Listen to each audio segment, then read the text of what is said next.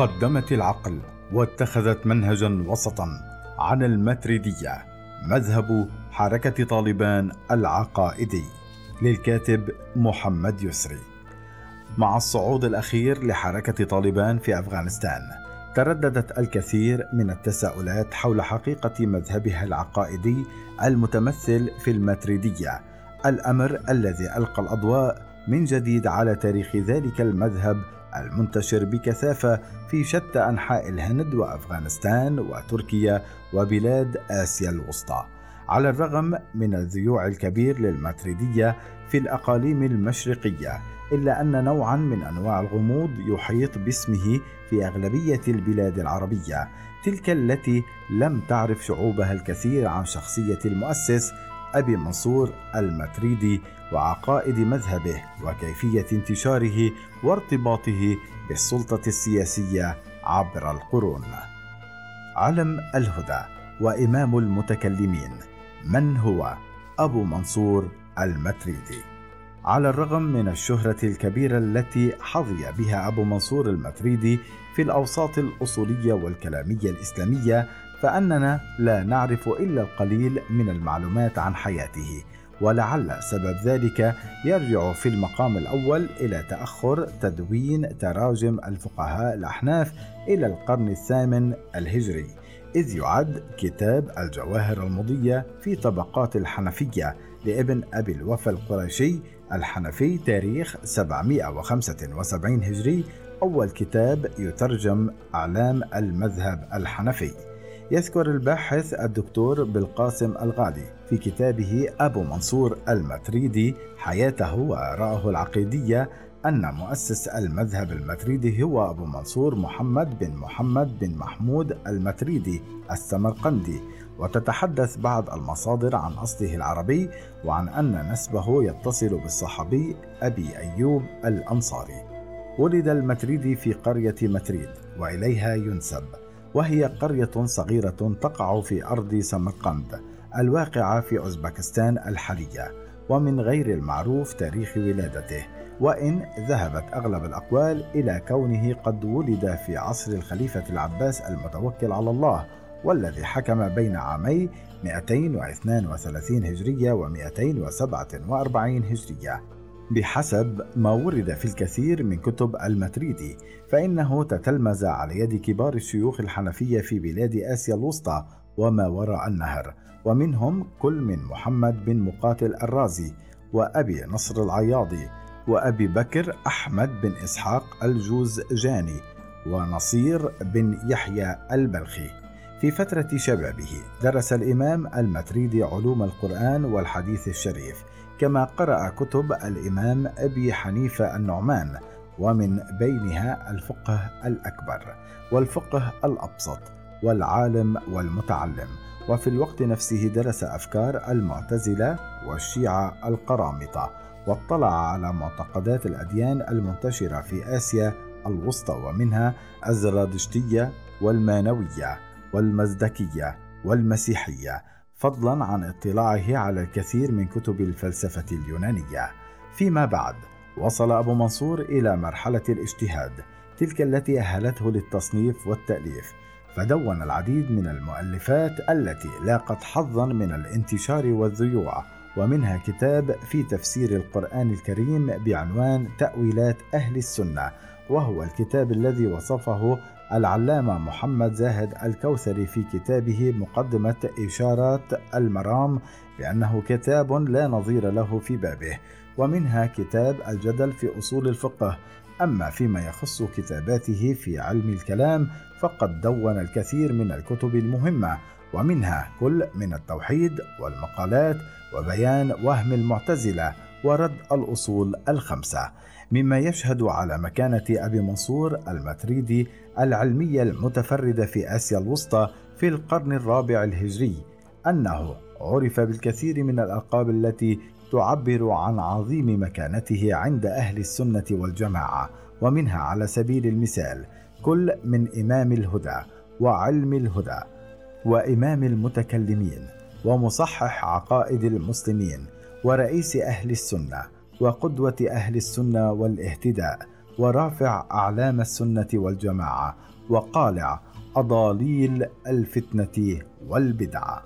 ومن بين الأمور التي تتفق عليها الأغلبية الغالبة من الباحثين أن المتريدي توفي عام 333 هجرية ودفن في سمرقند ويذهب المتريدية إلى أن جميع العقائد التي أعلن عنها الإمام أبو منصور المتريدي في القرن الرابع الهجري هي نفسها العقائد التي قال بها الإمام أبو حنيفة النعمان في القرن الثاني الهجري وعلى ذلك فإن المتريدي ليس أول من قال بتلك العقائد ولكنه كان أول من قدم عليها الشواهد والبراهين العقلية. بين المعتزلة والأشاعرة أهم العقائد الماتريدية.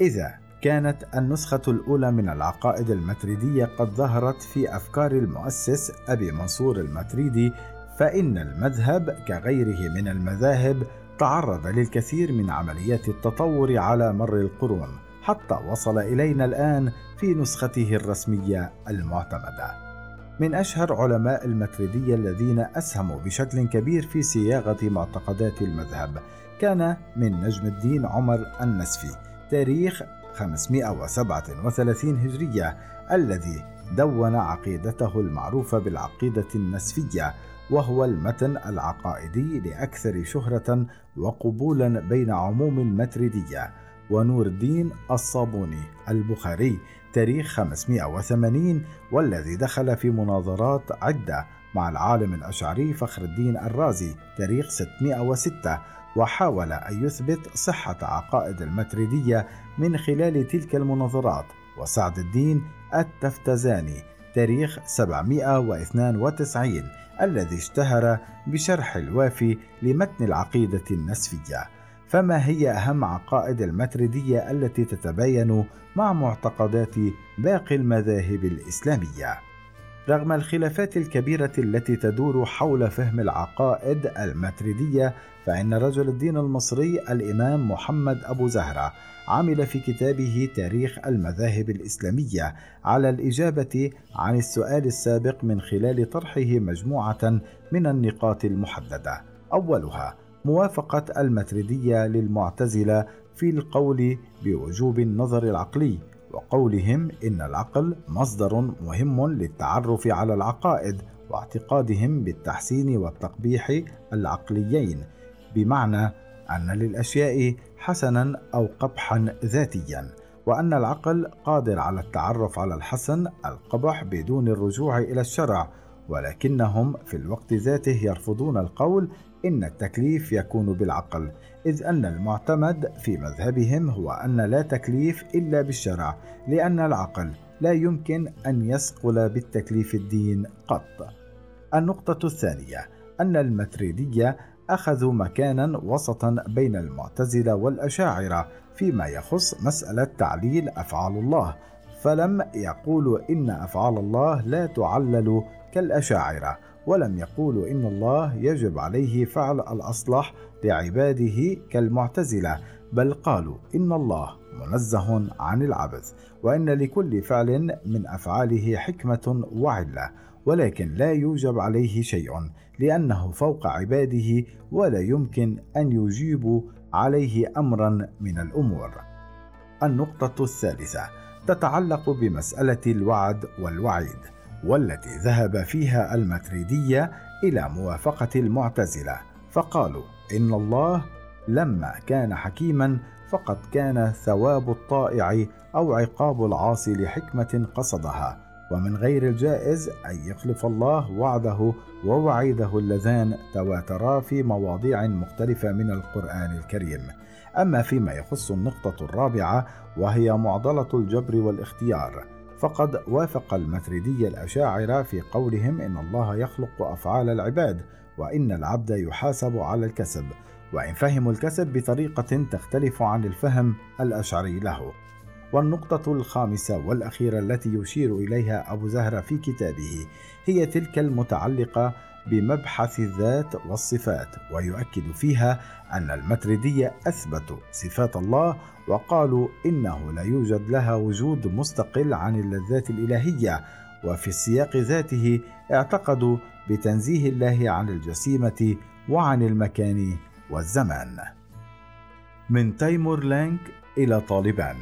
انتشار المتردية والعلاقة بالسلطة انتشرت العقائد المتردية بشكل كبير في الكثير من جنبات العالم الإسلامي ولا سيما من الجهة الشرقية منه إذ لاقت قبولا واسعا في أقاليم آسيا الوسطى والهند وأفغانستان وتركيا والصين. في الحقيقة لا يوجد سبب واضح يفسر انتشار المتردية على تلك الصورة خصوصا أن بعض الباحثين رفضوا تفسير ذلك الانتشار بالعامل السياسي ومنهم على سبيل المثال الباحث بالقاسم الغالي الذي أكد في كتابه عن أبي منصور المتريدي أنه لم تتدعم المدرسة المتريدية كما تدعمت الأشعرية بقوة سياسية مكنتها من النصر. على الجهة المقابلة فسر الكثيرون من الباحثين انتشار الماتريدية باقترانها القوي بالمذهب الحنفي فأكدوا على أنها انتشرت في الأقاليم المشرقية بالتزامن مع انتشار مذهب الإمام أبي حنيفة النعمان. ويذكر العلامة الهندي الحسن بن عبد الله المشهور بأبي عذبة في كتابه الروضة البهية فيما بين الأشاعرة والمتردية أن المتريدية انتشرت في بلاد الهند على كثرتها ووسعتها وبلاد الروم على كثرتها ووسعتها مع كونهم بأسرهم حنيفة. ولنا أن نتخيل قوة نفوذ الفقه الحنفي في تلك البلاد إذا ما رجعنا إلى ما ذكره العلامة محمد زاهد الكوثري في كتابه التأنيب الخطيب عندما تباهى بأعداد الأحناف الكثيفة في تلك الأصقاع قائلا الحنفية في السند لا تقل عن خمسة وسبعين مليونا وفي الصين عن خمسين مليونا وفي بلاد الروس والقوقاز والقزان والبخاري وسيبيريا وما ولاها عن خمسين مليونا أيضا وفي بلاد الرومان والعرب ودربسان وهرسك والألبان والبلغار واليونان وبلاد العثمانية القديمة في القارات الثلاث يعني آسيا وأوروبا وأفريقيا عن خمسين مليونا أيضا سوى من بلاد الأفغان وبلاد الحبشة ومصر وطرابلس الغرب وتونس وإفريقيا الجنوبية وغيرها. لفهم تاريخ الارتباط المبكر بين الحنفية والسياسة ينبغي الرجوع إلى القرن الثاني الهجري عندما دخل القاضي أبو يوسف تاريخ 182 هجري وكان أحد أهم أصحاب أبي حنيفة وأكثرهم خبرة ودراية بفقهه وآرائه. في خدمة الخليفة العباسي هارون الرشيد فعينه الأخير قاضيا للقضاة في دولته وصار أبو يوسف أول من حمل لقب قاضي القضاة في تاريخ الإسلام. هذا النفوذ سرعان ما وجهه قاضي القضاة في سبيل خدمة مذهبه فكان لا يعين قاضيا في أي ولاية من ولايات الدولة إلا إذا كان من أتباع المذهب الحنفي حتى صار هذا المذهب بمنزلة المذهب الرسمي للدولة العباسية حسب ما يذكر المستشرق الألماني كارل بروكولمان. في كتابه تاريخ الشعوب الإسلامية. وسيجد الباحث في المصادر التاريخية أن علماء الماتريدية الأحناف حظوا برعاية الكثير من السلاطين والحكام على مر القرون الأمر الذي أسهم بقوة في تمكين عقائدهم. على سبيل المثال اشتهرت كتب السعد التفتزاني وذاعت بشكل كبير في بلاد العجم بسبب تأييد السلاطين لها. ومن ذلك ما قيل عن أن تيمور لانك أمر بتعليق كتابه المعروف باسم المطول على باب قلعة هرات الأمر التي نتج عنه اعتماد هذا الكتاب للدراسة في العديد من المدارس والمعاهد التعليمية في بلاد ما وراء النهر. أيضا حظي العالم المتردي الشهير علي بن محمد الجرجاني تاريخ 816 برعاية الحكام من آل المظفر وهم الذين حكموا مناطق يزد وكرمان والعراق وفارس في القرن الثامن الهجري. فقد عينه شاه شجاع مدرسا في شيراز وظل في منصبه هذا حتى دخل تيمور لانك إلى شيراز فصحبه معه إلى سمرقند. وكانت له حظوة في مجلسه حسب ما يذكر طاش كبرى زادة تاريخ 968 في كتابه الشقائق النعمانية في علماء الدولة العثمانية. في السياق نفسه يتحدث طاش كبرزادة عن العالم المتريدي المولي فخر الدين العجمي تاريخ 860 والذي حظي بمكانة متميزة في الدولة العثمانية. حتى صار مفتيا في زمن السلطان مراد خان وعين له كل يوم ثلاثون درهما. ويحكي زاد قصة توضح مكانة العجمي في البلاط العثماني ملخصا أن السلطان محمد الفاتح لما تولى السلطة فإن أحد أتباع الطريقة الحروفية وهي إحدى الطرق الصوفية البدعية بحسب وجهة النظر السنية تمكنوا من الاقتراب منه والتأثير عليه فلما عرف العجمي بذلك ولمس تخاذل السلطان وميله لتابعه ناقش هذه الحروف وجادله حتى تبينت بدعته أمام الجميع ثم قتله حرقا ولم يتمكن السلطان من معارضته.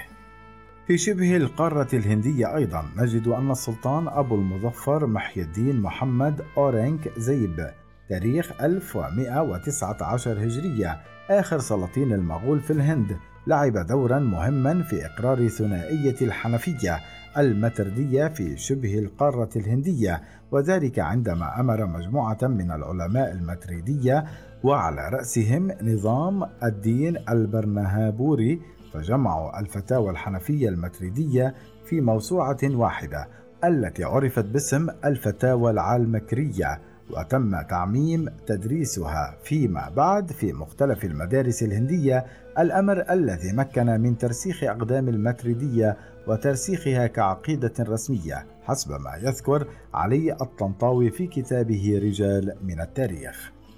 في العصر الحديث أيضا ظهرت العلاقة الوثيقة بين الماتريدية والسياسة ففي منتصف القرن التاسع عشر لعب علماء الماتريدية دورا مهما ومؤثرا في أحداث الثورة الهندية عام 1857 ميلادي عندما شارك بعضهم ومنهم على سبيل المثال محمد قاسم النانو توبي تاريخ 1297 هجرية في قيادة الثوار المسلمين ضد السلطة البريطانية ورغم الفشل الذي لحق بالثورة في نهاية الأمر إلا أن علماء المتريدية الذين كتب لهم النجاة تمكنوا من تأسيس مدرسة دار العلوم الشهيرة بديوباند والتي اشتهر أمرها فيما بعد حتى عرفت باسم أزهر الهند بحسب ما ورد في الموسوعة الميسرة في الأديان والمذاهب والأحزاب المعاصرة. ولا تزال العلاقة قائمة بين الماتريدية والسياسة حتى اللحظة فبحسب ما ورد في كتاب طالبان أفغانستان من حلم الملا إلى إمارة المؤمنين لرجل الدين الباكستاني مولاي حفيظ الله حقاني فإن مدرسة دار العلوم الديوبندية الماتريدية كانت نواة لمئات المدارس الدينية التي انتشرت في شتى أنحاء شبه القارة الهندية وأفغانستان فيما بعد. وفي هذه المدارس التي اعتادت أن تدرس العقائد الماتريدية بجانب الفقه الحنفي تخرج الرعيل الأول من طلاب حركة طالبان الأفغانية تلك التي تمكنت من الوصول إلى الحكم في العاصمة الأفغانية كابول عام 1996 وظلت بها حتى الغزو الأمريكي عام 2001 وتوارت بعدها في معاقلها الجبلية حتى عادت إلى فرض سيطرتها من جديد مؤخرا بالتزامن مع عملية إجلاء القوات الأمريكية في أفغانستان.